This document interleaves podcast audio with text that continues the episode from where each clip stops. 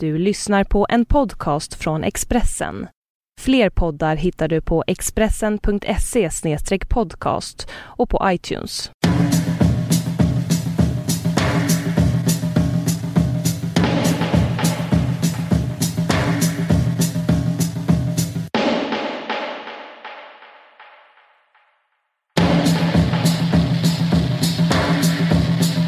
Du lyssnar på En varje sak i sin podd. Vi sitter just nu på Gärdet i Stockholm i strålande solsken, blå himmel, vita moln, Cirkus Scotts tält i bakgrunden. Kaknäs. Henry Bronett raglar omkring, asfull. Ska jag bara, gör inte. Och jag heter Liv Strömqvist och du heter? Caroline Ringskog Ferrada Idag är ett jättekul avsnitt för att vi har eh, öppen frågestund. Eh, och du har, eh, folk har ställt olika frågor till oss på Facebook. Mm. Jag frågar dig, Anna Andersson ställer den här frågan. Mm. Gillar ni South Park? Okej, gud. Jag känner mig väldigt... Eh, jag måste berätta hur jag känner mig just nu. Eh, tagen på sängen. Vad svår, svår fråga. Jag, jag, jag säger rakt av nej. Eh, jag säger rakt av nej också. Kan man inte bara säga så här, jag, jag, jag kan inte typ prata ens om South Park. Jag vill bara säga så att jag inte gillar South Park. Jag tror att jag tycker att den är så jävla killig. Jag tror det är därför. Men typ jag tycker det... det är lite svårt att se hur de ser ut också. Jag tänker att det bara är små otydliga killar eh, så långt ögat når. Nästa fråga. Ska jag fråga dig en, en till fråga? Okej. Okay, Kristoffer uh... Garplind ja. frågar så här. Vad gör man om ens kille hela tiden frågar Har du en god sig? Så svarar man snällt ja på grund av såklart man bjuder sin kille på sig. Sen ska man dra någonstans själv och röka sig en god sig på vägen till tuben och då hittar man endast ett tomt paket i sin väska. Obs! Detta är ingen engångsföreteelse utan det händer gång på gång. Ledsen smiley. Gud vilken bra fråga. Jag tycker, det, eh, jag tycker den, eh, den täcker så mycket den frågan. Jag tycker för det första ska han fråga sig en, en annan fråga. Eh, vill han satsa på liv, en livslång relation? Om svaret är ja, då kommer, eh, om svaret är nej, då, då, då tycker jag, säg till. Om svaret är ja, så tycker jag att han ska tänka så här att eh, det stora målet är större än hans känslor, hans minikänslor i den stunden. Jag tycker han ska satsa på acceptans. Eh, det tror jag på i förhållandet. Att man ska liksom man ska acceptera sånt som inte är jättesjukt. Alternativt sluta röka och se om han börjar köpa sig själv. Jag vet, jag skulle precis säga det. Eh, det finns ju en jättebra bok som heter Äntligen icke-rökare. Mm. Jag själv röker men jag har slutat flera gånger med den boken. ja. Um, Ska jag fråga dig en fråga nu? Ja, vi har ju lite den relationen att jag har sig som du röker. Fan, det är helt sant. Men jag eh, har valt vägen acceptans. Och har aldrig tänkt på saken. Alltså det slog mig nu. Men jag tycker man kan uppleva, man kan uppleva det här tysta motståndet som fast någon säger absolut det är klart du får en cigg. Då kan man uppleva, vill den här personen ge en cigg eller vill den inte? Och jag måste säga med dig, det här kanske låter som Fjäskpodden, men jag upplever ett, en genuin generositet. Att du gladeligen vill ge mm. mig cigg. Och men det kan också ha att göra med att du tycker det är tråkigt att sigga själv. Att du tycker, tycker det är ett mys att sigga med någon annan. Jag vet inte. Nej men jag ger, alltså jag tycker, jag gillar att så här, eh, ge bort grejer. Alltså jag gör ja. ofta det och eh, jag typ älskar det. Ja. Jag tycker det är skönt. Du gör det, det handlar, mig jättemycket ju. Jag tycker man kan se det som en befrielse att ge bort något skit. Ja. Alltså då slipper man ha det själv. Så kan han försöka se på det. Ja så kan ju han se på det. Mm. Ja, det var ett bra svar. Eh, då tar vi en fråga här. Om vi fick vara ett djur, om ni, alltså nu frågar jag dig Liv. Om du fick vara ett djur för en dag, vilket djur skulle du vara och varför? Vem frågar? Henrik Estvik. Alltså jag orkar inte riktigt med mig själv men jag måste säga det med allra mest klyschiga. Jag skulle kunna nästan säga bara nej jag vill inte svara på det. Nej, men... men det är ju uppenbart vad man skulle vara. Man skulle såklart vara en fågel. du tycker inte det är uppenbart? En mås till exempel. Skulle du stjäla glasstrutar? Ja, bara för känslan att få stjäla glass. Nej men eh, eh det är väl självklart en fiskmås. det är för uppenbart.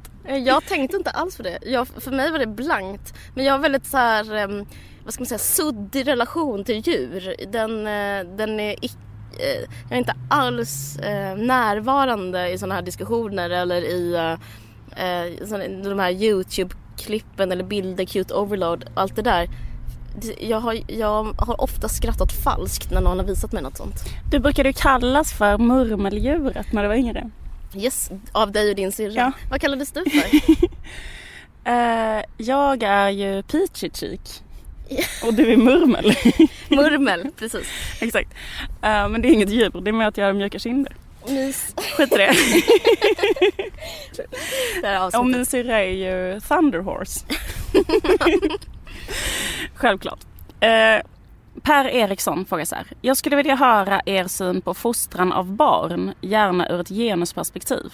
Det kan jag svara på eftersom jag är en mor. Fast du kan också svara på den. Mm, ja. Ja, men jag kan bara säga en allmän spaning jag har om detta och det är så här att eh, jag tycker att det är ganska konstigt när folk får barn är att de slutar intressera sig för, eller de kanaliserar all sin så här, allt sitt samhällsengagemang bara i sitt eget barn.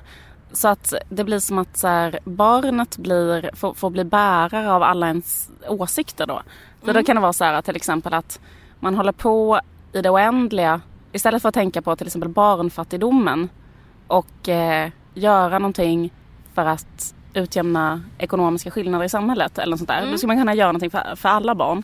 Eller engagera sig i barn överhuvudtaget. Då ägnar man istället enormt mycket energi åt att till exempel eh, ens eget barn ska ha vissa kläder eller äta viss mat. Eller, och då, man har ett engagemang som är liksom förryckt gällande intresset för bara ens egen unge. Och också när det gäller genus, att man så här, håller på så himla mycket. Och jag känner, ställer mig tveksam till det kring, alltså det är klart att man på ett visst sätt kan hålla på med någon, någon form av, av liksom om man har liksom pratat lite om känslor med en kille eller man behöver inte säga så här jävla bög om man gråter och sånt. Mhm. Men man har en jävligt begränsad påverkan eftersom vi lever i ett samhälle som fungerar på ett visst sätt och där det finns liksom massor. Jag kan bli liksom lite deprimerad när jag tänker på att eh, barnuppfostran ofta går, upp så, går ut så jävla mycket på individen istället för kollektivet.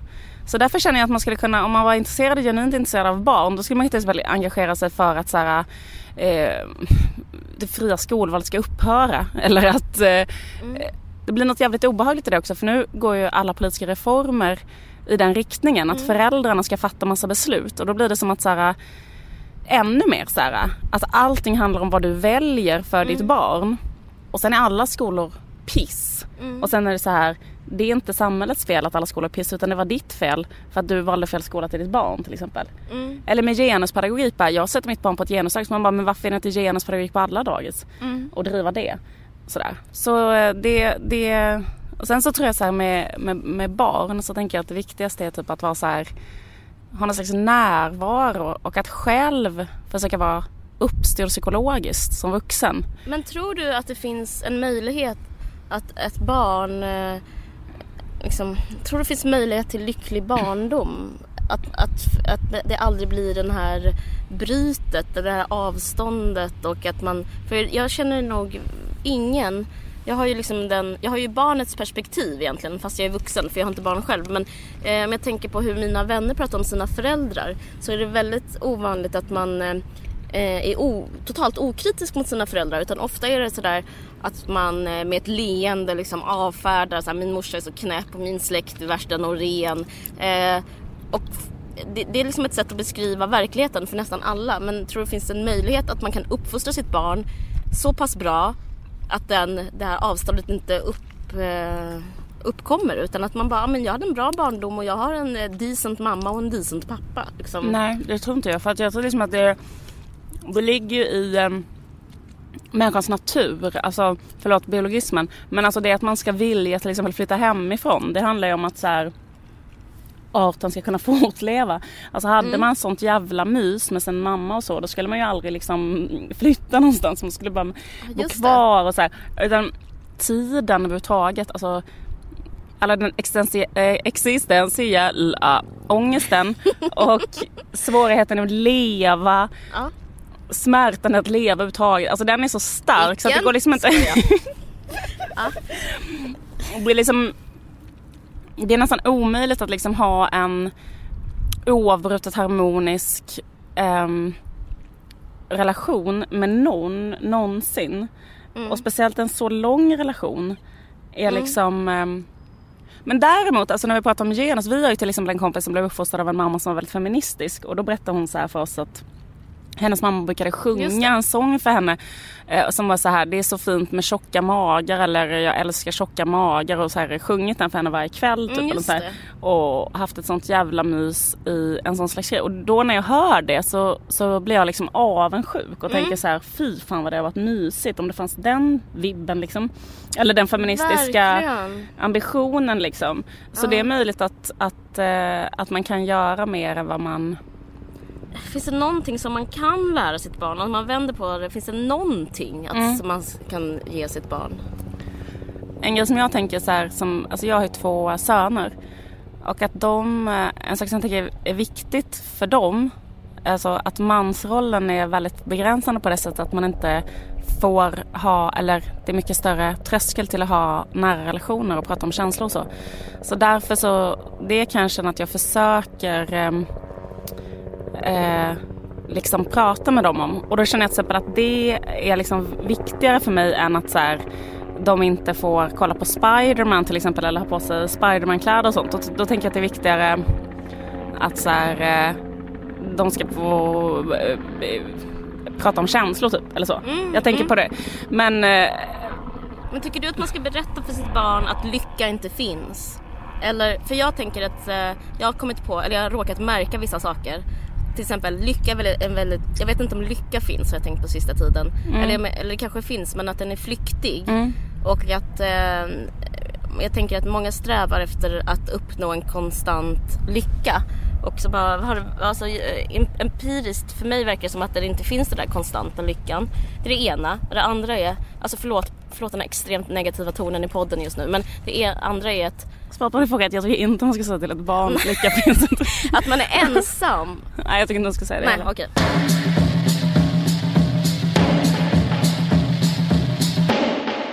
Om jag ska säga en grej till om det där med känslor och eh, sådär. Då, då för min son till exempel gillar väldigt mycket superhjältar.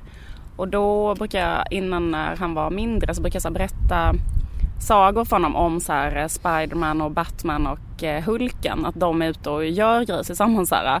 Och då brukar jag liksom lägga till sådana här saker. Så här, eh, jo, de är ute och gör det och han klättrar på tak och han gör det. Och sen så är det så här, Spiderman kan ju då typ hoppa mellan hus. Och sen är det så här, sen eh, känner sig Spiderman ledsen och då pratar han med Hulken om det.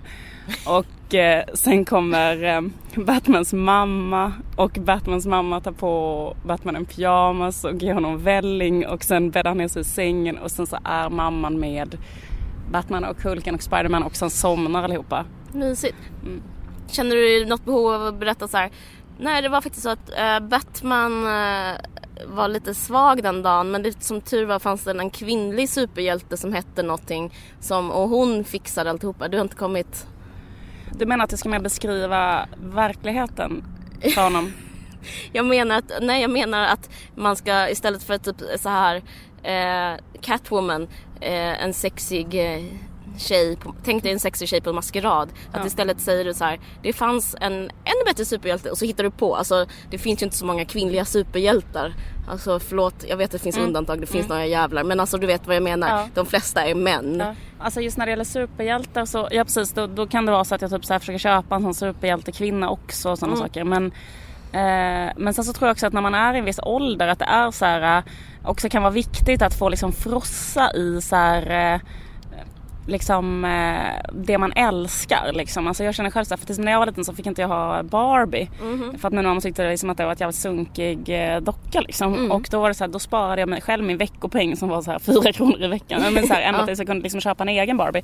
Och sen så tänker jag, ja, ja men det Mm. finns ju en diskussion kring det. Men då kan man tycka liksom att det, fi- det finns, för jag menar jag kan själv säga, jag själv har aldrig varit intresserad av Spiderman till exempel. Men när jag fick min son då kanske jag själv känner att jag, jag fattar varför barn tycker om Spiderman. För att Spiderman är faktiskt väldigt så här, det är väldigt coolt att tänka sig att man skulle kunna så bara klättra upp för ett hustak. Alltså jag kan gå in i feelingen av så här, hur fett det skulle vara att vara Spiderman eller typ att jag förstår att man vill leka att man är Spiderman och, eh, och sådär. Vi fi- fick en fråga om Knut Hamsun. Jag läste Jag ställa frågan. Pan. Ja. Gillar ni Hamsun? Svar ja. Eh, Vilka romaner har påverkat er mest? Mm. Överhuvudtaget kanske den frågan är. Vilka romaner har påverkat er mest? Det är Räddaren i nöden.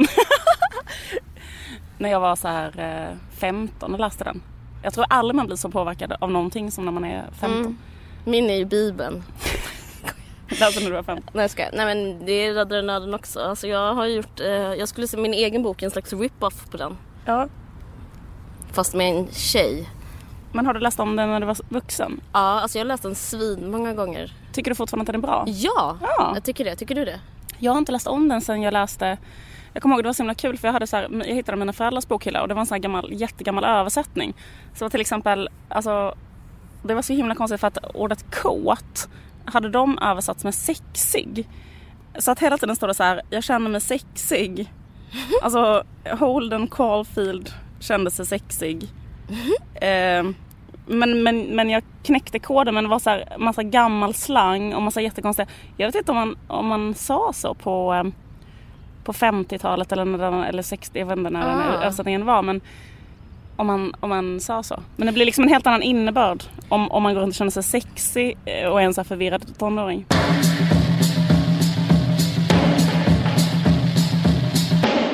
Kan ni inte prata om maken? Är frågan. Ja. Alltså Det- vi har ett, en relation till maken som är sinnessjuk, du och jag. Ja, det har vi ju. Vi älskar den för mycket. Vi, äls- vi älskar Gun-Britt. Vi, vi kan göra en film eller en bok som heter Kvinnor som älskar Gun-Britt Sundström för mycket. Ja, ja men, men det är lite... mm, boken Maken handlar om hennes liv på vad är det, 60-talet Mm. i Stockholm och eh, hon är ihop med en som heter Gustav. Och boken börjar så här om jag inte minns fel. Gustav har ringt. Vem är Gustav? Vilket fult namn. Ja, vilket fult namn. Eh, det, och sen så handlar det om att hon är ihop med honom och ihop med honom och inte är kär i honom. Ja. Och sen så är han slut och då blir hon jättekär i honom. Hon blir jätteledsen. Hon blir jätteledsen. Eh, men eh, den är så den är så fruktansvärt bra den boken. Ja den är så fruktansvärt bra och jag kommer ihåg när jag läste den första gången då åkte jag nattåg upp till Umeå och det var så fruktansvärt mycket snö och så var det så mycket snö så att det var liksom sjukt. Och sen så typ satt jag så var på ett iskallt café och bara läste med sån blåfrusna fingrar och då messade jag dig och var så här, du måste läsa Maken och sen skrev jag till sms bara nej läs den inte för att jag kände så här det är för, det, det är för mycket. Det är för mycket. Det är liksom så här, det skulle vara för sjukt om du skulle läsa den. Men grejen är att, eh, jag vet inte om du känner så, men jag känner att den eh, boken eh, har handlat, alltså det har blivit väldigt mycket som en, eh, eh, vad ska man säga, spegling av mitt eget liv liksom. Mm, det var därför jag tänkte så här att du nästan skulle läsa. Precis, för Ja. eh, det, det här var... Min pojkvän hade precis gjort slut och jag hade typ samma relation med honom som med Gust, som eh, Martina, som hon heter i boken, har med Gustav. Ja. Och eh, alltså det var, det, var, det var väldigt likt. Men ja, den, den är väldigt bra. Jag rekommenderar alla, eller vi rekommenderar alla att läsa den. Ja, det är, typ, det är liksom en av de bästa svenska romanerna som har skrivits. Den är så fruktansvärt bra. Ja, det är den. Jag fick den här frågan. Eh, kan ni inte prata om tv-serien Orange is the new black? Har du sett den? Nej, så svaret på frågan är jag kan inte prata om den. Nej. Däremot så har kanske 89 personer oberoende av varandra börjat prata med mig om den på sista tiden och Ja. citerat jättelänge. Och du är en av dem. Jag är en av dem. Ja. Jag har sett den. Eh, den handlar om kvinnor i eh, ett kvinnofängelse. Eh, och det handlar om en överklasstjej, en WASP så kallat. Som hon, hon åker in för att hon har begått ett brott när hon hade en lesbisk farlig relation. Hon var drog bulvan tror jag det heter. Skitsamma. Eh, men fan tråkigt att du inte har sett den alls för den eh, Fan jag vet inte vad jag ska säga om den. Jag måste säga en sak överlag istället att jag tycker den är väldigt bra. Och det är svårt att prata med, om någonting som man tycker är bra. För, Ja. för det jag vill säga så här, om någon frågar vad tycker du om den? Då vill jag bara säga mm, den är bra. Mm. Jag håller med. Jag kan liksom inte så här jag, det finns liksom ingenting att haka i. Liksom, varför är den bra? Jo den är bra berättad. Uh, vad mer? Jo de spelar bra. Eh, det är ett bra manus. Nej men jag vet inte vad jag ska säga. Det är så himla... eh, det kan ju vara att det här att, det, att kvinnor aldrig skildras som människor. Och att det finns ett jättestort eh, behov av att se kvinnor mer än endimensionella. Att kvinnor har kanske aggressivitet, att kvinnor har negativa känslor, att kvinnor gör fel. Alltså att Ja. man, man är sugen på berättelser som handlar om verkligheten. Så man kan, även om de flesta som ser den, alltså det är inte då är inte fångar själva utan det är ju liksom medelklassmänniskor som jag själv liksom. Men alltså, som kvinna så får man ju aldrig sin historia berättad. Det är väl därför Girls blev så himla populär också. Att det är någon som bara berättar något lite mer än att man är en snygg tjej som kanske skriker i en skräckfilm eller ligger med någon i en så här fransk film. Att det liksom finns pyttelite mer som är en, en egen vilja kanske. Att, att, att, att försöka, att man får liksom se man ser kvinnor på ett annat sätt. Och jag tror faktiskt det gäller män också. Att det är för tråkigt att kolla på. Eh, alltså det handlar inte bara om identifikation. Det handlar om att man hela tiden söker berättelser som beskriver världen. Jag snackade faktiskt med en kompis om, eh, om grekiska dramer igår. Eh, ja, varför de fortfarande är bra. Och det är, typ sam, det är typ samma sak. För att vad är det som händer? Det är bara liksom någon som beskriver världen hur det är. Till exempel tragedier, att det slutar dåligt. Handlingar man gör får konsekvenser. Jag tror det är därför grekiska dramer är så himla bra. Nu kommer en annan fråga. Ja. Från Matilda Noblia. Ja. Hur undviker man den socialiserade impulsen att se kvinnor i omgivningen som ens rivaler och istället bygga starka allierade relationer med tjejer man umgås med? Jag tror faktiskt det handlar om aktiva val. Mm. Alltså jag tror helt enkelt man får bestämma sig. Typ så här, jag ska, eh, jag ska inte se kvinnor som rivaler. Och sen ska man liksom hålla på och jobba och liksom, man ska fatta att det är viktigt och så ska man eh, gå mot impulser. Ja. Och sen så i mitt fall, alltså personligen, jag, så tänker jag så här att jag är hela tiden sur för att män får göra roligare grejer. Till exempel olika tv-program, olika filmer och sådär. Och då tänker jag så här, men jag vill också göra det. Men om jag ska då till exempel bråka med den jag jobbar med, och jag, om det är en kvinna, till exempel dig då. Mm. Om vi skulle börja Vi hade ett bråk precis. Ja, vi hade faktiskt ett bråk precis. Men om vi skulle hålla på med det hela tiden, då Ja. skulle inte vi någonting bli av. Och jag tänker att män håller på, vi har pratat om det innan, att man pratar inte så mycket om hur man känner sig. Och att hålla på och bråka är ju att, att beskriva hur man känner sig. Jag tror kanske på att kanske knyta näven i fickan och tänka att det finns ett större mål. Och det målet skulle kunna vara eh, jämställdhet eller ta över världen eller få göra ett tv-program eller få göra en film. Att man liksom inte, att man offrar sitt eget ego för en större sak. Jag, jag tänker på en sak som jag tror att det är Birgitta Stenberg som har sagt det så att Mm. varje gång det går bra för en kvinna så betyder det att det blir bättre för mig. Mm. Eh, och eh, det är faktiskt sant. Alltså för att Mm. det är som du säger, liksom att den första impulsen är så här. Eh, nej, för att eh, eh, det var i sån stämning. En tjej får vara med killarna och spela fotboll Mm. men det får inte vara två. Eller så. Och så blir man så här att man känner att man hatar den tjejen som fick göra det Mm. och där, för att man är avundsjuk kanske. Eller så här. Men eh, man kan, det, men liksom, jag tror faktum eller sanningen är så här att typ om en kvinna eh, blir eh, typ statsminister så kommer en annan kvinna att bli statsminister. Mm. Liksom att så här, det, det, det är så det funkar. Men jag har en ganska så stark personlig erfarenhet av det för att när jag började gymnasiet så var jag jävligt liksom eh, eh, inne i någon sån fas där jag tyckte så att jag själv var så jävla liksom bra och typ eh, När ska du Eh, komma ur den fasen? eh, jag skojar.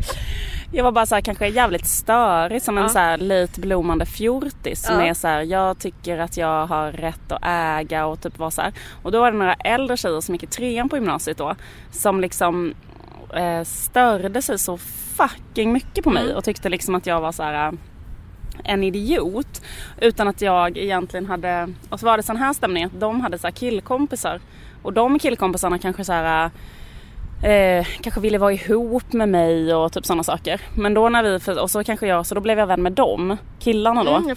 Men när jag då skulle umgås så var jag liksom den två år yngre tjejen som skulle umgås med ett sånt gäng som gick i trean. Ja. Och då var de där tjejerna så jävla liksom elaka mot mig hela tiden bara för att visa så att eh, du eh, bör egentligen inte vara här. Jag kommer ihåg en Mm. sån fruktansvärd videokväll jag var, var där med någon jävla, något jävla ragg då av de här jävla Mm. killarna. Och så var det typ så här att han ville att jag skulle vara, följa med honom och kolla på video hemma hos hans tjejkompis. Och sen så var, det, var de bara så, alltså de bara var så de bara hatade mig så jävla mycket och Mm. visade det på alla upptänkliga sätt. Och då så processade jag det och då fattade jag ett beslut som var så här, jag ska aldrig vara elak mot yngre tjejer. Eh, bara för att de är yngre, för det är så jävla liksom sjukt. Mm. Och då, några månader senare, så lärde jag känna dig och då kommer jag ihåg att det var att jag tänkte så. Det här måste jag berätta för dig innan. Nej du har inte berättat det här. Men då tänkte jag så här, varför ska jag liksom, då var jag 16 och du var 14. Och då tänkte jag så här, eh, jag ska liksom gå in för att så här, vara, vara vänlig och eh, liksom snäll mot den här 14-åringen som hänger, för det var samma situation. Kanske jag hade några killkompisar som du Jag var hade. ihop med rag- din brorsa. Jag var exa- exakt, och då var det liksom en slags killgäng där Ja. som hade ett intresse av dig för att du var en yng- yngre tjej liksom. Eh, och då tänkte jag så här, nu ska jag vara tvärtom, nu ska jag bara vara så här jätte-embracive av dig. Eh, och prata med dig och så. Så jag är alltså egentligen inkvoterad? Eh, exakt, du är inkvoterad. Men det, det jag vill komma till är att Ja. det, eh, konsekvensen av det är bara att så här, du och jag fick en väldigt underbar vänskap och typ att det betydde så jävla mycket för mig att lära känna dig och att det var så himla fint och att man liksom eh, vinner nästan alltid på det. Även om man bara ser det ur ett egen perspektiv så vinner man nästan alltid på att så här, eh, öppna upp för en annan kvinna och vara liksom eh, eh, det, det, det händer något jävligt så här, ofta något jävligt fint Ja. då. Det kan man tänka på. Ja, men det intressanta är att du, alltså, för sig, och jag vet inte hur jag var, men jag kan tänka mig att jag var störig liksom. Mm, och att det, du var ja, störig. Ja, precis. Och jag, då kan jag tänka mig att egentligen så kanske du tänkte så här, vad fan är hon här, jävla plåster eller whatever. Och, eh, men att du inte gick på den första impulsen. Jag, tror, för jag känner igen mig i det också. Jag umgås med en del yngre människor nu och det är jättelätt att bara ah, avfärda dem. Men, eh, men att jag tror att man ska man ska helt enkelt inte gå på de känslorna utan på liksom ehm, på någon slags princip istället. Alltså jag tror det på riktigt att man får typ, ja det jag sa i början att, att man får bestämma sig liksom helt enkelt. Ja. Eh, man får göra ett aktivt val. Ar- hur arbetar du liksom med den här grejen? För det här är ju när man är liksom ung och Mm. barn. Och, Mm. Men hur gör du det liksom idag? Eh, Alltså det värsta är att jag kan känna ibland att jag inte är så bra på det idag. Nej. Eller typ jag kan känna igen mig i det, att känna att man inte är så bra på det. Och att liksom, det är lite som det vi snackade om innan, det är nästan som typ att hålla en diet. Mm. Alltså att så här, eh, eh, nu har jag aldrig hållit en diet och rekommenderar ingen jävel att göra det. Men alltså typ så här att jag tänker mig att det är ungefär samma grej, att man bara hela tiden så mm, nu ska jag inte äta socker, nu ska jag inte äta kött, nu ska jag inte äta ost och mjölk eller vad fan det är man Mm. är vegan eller sånt där. Att liksom man måste hela tiden, varje gång man handlar, varje gång man, alltså man måste liksom ha det väldigt aktuellt hela tiden och hålla på med det hela tiden för att inte tänka så, inte göra så, aktivt välja hela tiden att Eh, och, det, och, så här, och ibland är det som att man, man fuckar ur och bara slappar till och inte är så. Eller typ inte orkar. Så var jag på Way Out West förra året. Mm. Eh, Då bara umgicks jag med typ olika äckliga mediakillar men jag såg mina, jag såg mina vänner typ så här, titta på mig med sorgliga ögon. Ja, det, och det måste jag säga, baksmällan på det är värre än allting annat. Så det, man vinner verkligen på att så här, försöka välja tjejer. Apropå att verka i det idag. Så Ja, jag liksom eh, gör ju en, eh, jag är serietecknare och det är en, har varit i alla fall för kanske så här 5, 6, 7 år sedan så var det en extremt mansdominerad eh, yrkesgrupp eller konstform. Och då så här, när man börjar vara så här, då började jag göra att jag gjorde väldigt, väldigt feministiska serier. mm. Och sen efter det så började så här massa andra, eller många, många andra, det kom en boom liksom ungefär samtidigt som mig. Som var liksom att många började göra, alltså så som det är liksom med ismer eller trender eller så här att liksom det blir många som gör ungefär samma sak. Och då kan, kan man tänka sig så här, då, då finns det ju en känsla som är så här, jaha men varför eh, jag får härmas nu. Eh, ja eller, eller typ så här, åh nej det existerar ett hot för att varför ska Ja. någon läsa mina serier ifall det finns 15 andra som gör såna här serier också typ. Alltså empirin, eller alltså sanningen i det är inte så. Alltså det är ju inte så att bara för att um, Blur kom så kan inte någon lyssna på Oasis. Eller typ så här, Eller? utan- Nej men okej, jag fattar. Ja, nej. Eh, eller så. Ehm, och att det är liksom eh, varför kan inte till exempel feministiska serier vara det som är mainstream? Varför kan inte det vara det som alla gör? Och sen Ja. finns det en, en, en, eh, en outsider som inte Precis. håller på med det istället för att det ska vara en outsider håller säga. på med Ja. det och alla andra. Alltså, det är intressant att tänka på. Eller som, eh, och sen så upplever jag också att det är bara är trevligare för mig. Typ, för att så här, jag eh, har kompisar som gör Mm. samma grej som mig och nu typ är det mysigt. Alltså att det är, det är mycket roligare för mig att så här, vara på typ en seriemässa och det finns massa härliga tjejer som håller på med feminism där istället för att det är en massa killar som håller på och ehm, gör serier om så här, sin kuk typ. Ja, jag fattar.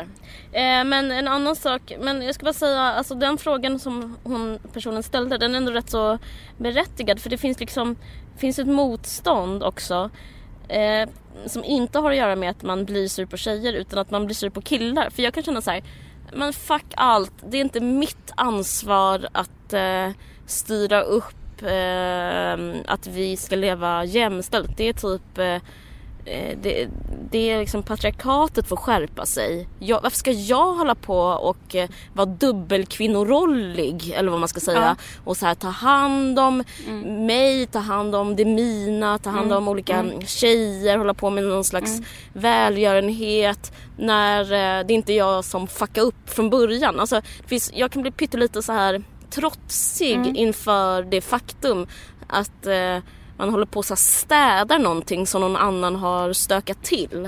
Eh, men jag vet inte, då, svaret blir ju inte så här, ja men då skit i det då. Men svaret... Eh, men jag bara menar, det finns ju också en... Eh, man kanske inte ska glömma så här, det är inte, det är inte, det är inte bara kvinnors ansvar att det finns en kvinnorivalitet utan det är, det är liksom ett fungerande system som, Ja. eh, som typ väldigt många män vinner på och de borde fucking skärpa sig Ja. liksom. Det är så bara skär, skärp er, skärp dig partiet. De borde liksom eh, bara liksom bara skärpa sig och eh, tagga ner, bli tysta, avgå, eh, sluta ställa frågor i klassrum, eh, säga upp sig, Eh, sluta regissera, sluta skriva, sluta skriva på ledarsidorna. Ja men typ eh, allt det där. Att bara liksom eh, ta ett steg tillbaka kan jag känna jättemycket. Ja.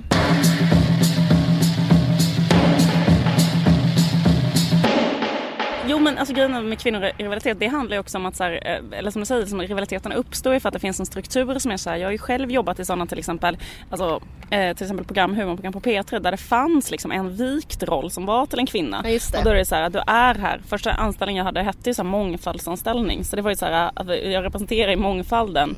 Eh, att så här, bara för att det är en kvinna som jobbar på ett humorprogram så är det liksom, kan man få så extra deg för det och då är, och då är det liksom, står det på mitt lilla anställningsbevis står det mångfald och på en kille så, så står det eh, bara anställning liksom. Eh, och, ehm, och, då, och, då, och, då, eh, och då är ju den konkurrensen liksom, då är den ju liksom, den är svart på vitt. Så Ja, då är det en så. plats Det där. finns en plats Ja. liksom. Men, eh, så, men jag upplever ändå att samhället har förändrats liksom på många sätt bara de senaste, alltså att det, att det går rätt så eh, stadigt framåt på de, där, Mm. på de där punkterna liksom. Och sen har jag jobbat i många program där det har varit mycket tjejer och så här. Men då kan man ju känna så att det fin- kan finnas ett krav till exempel att man ska täcka typiska tjejfrågor till exempel och sådana saker. Att det är Mm. så här, Var det därför du Eh. pratade om mens i ditt sommarprogram? Ja. ja men typ så här, det, det, det, det ska vara du som, eh, eller så här, det, liksom, det, det, det ska vara att du sitter här och pratar om feminism till exempel. Och så här, eh, för det är därför du är här, för att du är en kvinna liksom. Men då blir man såhär, men fucking kan du prata om feminism nu då, liksom, eller något? För att jag kanske vill prata om typ så här. Eh, jag vet inte vad liksom, eh, något fånigt liksom. Men så det, så det kan ju vara Det var jävligt Ehm. intressant. Jag visste inte att du var mångfaldsanställd. Jo, jag var mångfaldsanställd. Ska vi ta nästa Eh, fråga? Ja, nu tar vi nästa fråga. Vi hinner bara en till. Amanda Engström, hur förhåller man sig till träningskulturen som är på ett strukturellt, ideologiskt och politiskt sätt i mångt och mycket förkastligt om man ändå vill försöka vara lite hälsosam? Smiley med sån lite snemun. Ah. Eh, Okej, kan inte du börja svara på den? Jag kan börja svara på den och berätta vad jag gör just nu. Jag sitter och dricker eh, Fanta, äter gott och blandat och mockar en cigg i munnen. Slut på svaret. Ja, det är faktiskt kul. Eh, det känns som att hon i frågan lägger en kritik av att träna. Ja. Eh, att det är fel att träna för att det kanske är eh, att man inte ska vara objekt och att kroppen ska få vara som den är. Men, men jag vet inte om jag håller med. För till exempel mår man... Jag, jag tycker det är, rätt, det, är, det är bra att träna för att man mår rätt så bra psykiskt. Det finns ju väldigt många vinster av att träna. Så jag, jag undrar om jag kommer säga tillfredsställande svar. Ditt svar kanske är bättre. Nej men jag tror att, det, att det man kanske kan uppleva så här, det är om man har liksom, vilket är typ en, äh, extremt vanligt, att man känner så här man vet att det är som tränar, man mår bra av det. Men det kommer jättelätt över till en punkt där man börjar träna på ett sätt som inte är hälsosamt. Alltså där man börjar mm. träna på ett sätt där man känner så här, eh, att man gör det nästan på ett destruktivt sätt och mm. att man liksom, och att det kan vara svårt att så, hålla den här balansen. Typ så här.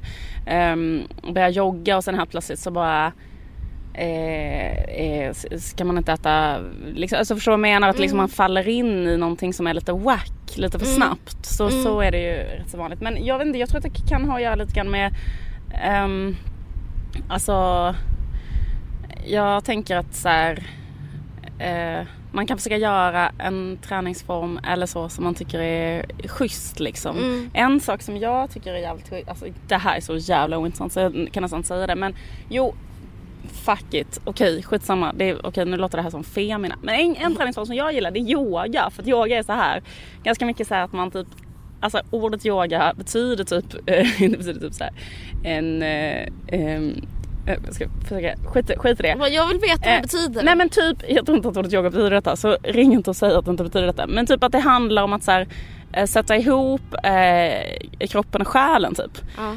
Och det kan jag känna, liksom att när man gör yoga så handlar det liksom om att så förbinda kroppen och själen på ett sätt som kanske inte att så här, eh, piska sig själv till, till pis, att, att, att själen eller psyket ska piska kroppen och dominera kroppen och underkasta kroppen.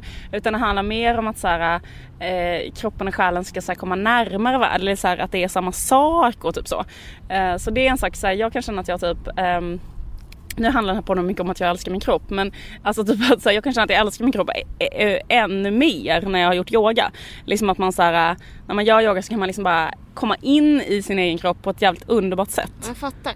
Men jag eh, känner så här med yoga att eh, för mig blir det en prestation. Fast de säger, jag har också gått på yoga rätt mycket, då är det så här, det här är ingen prestation, man kan inte tävla i yoga, all, eh, alla kroppar är bra kroppar. Men då kollar jag upp, så här, jag står i ett så här yogarum och så kollar jag på de andra och så typ om någon är bättre på att så här, böja sig längre ner då börjar jag tävla med den mm, människan. Mm, mm. Och så, så kanske någon som är extra bra på att kanske göra jag vet inte. Barnet. Barnet, hunden. Barnet kan ju alla göra liksom. Men eh, något jävla skit liksom. Och då, då blir jag så himla stressad av det. Så att för mig är det eh, det hjälper inte alls utan efteråt känner jag mig bara misslyckad eftersom jag inte är så vig och Eh, och jag är inte så from och inte så sen liksom. Så att eh, jag tror inte det passar alla ändå liksom. Jag hörde två kompisar som pratade om yoga så sa den ena så bara, ja ah, men det är så jävla skönt att träna yoga för när man har tränat yoga då känner man så här, man är till exempel inte sugen på att röka cigg eller leva destruktivt och så. Så sa den andra så här, ja fast en grej med yoga är så här, det finns ingenting som liksom gör det så gott att ta en cigg som precis efter yoga. Okej okay, nu måste jag säga en sak som är på riktigt och det är att det står en elefant där borta. Ser du den? Fast jag blir rädd för jag har bara läst så jävla mycket om elefanter på sista tiden som attackerar människor. Tror du den är på väg hitåt? Den är, är den lös? Var är Henry Brunett? Jag vet inte. Jag, jag har aldrig behövt Henry Brunett men det här är fan första gången jag undrar på riktigt och behöver. Vad är Henry? Jag behöver honom. Vad är Henry när man behöver honom? Exakt. Det här, eh, den här podden görs i samarbete med Expressen Kultur och vi heter Liv Strömqvist och Caroline Ringskog Fredanoli och musiken i början gjordes av Vit Päls. Puss puss! Puss! Du har lyssnat på en podcast från Expressen. Ansvarig utgivare är Thomas Mattsson. Fler poddar hittar du på expressen.se podcast och på iTunes.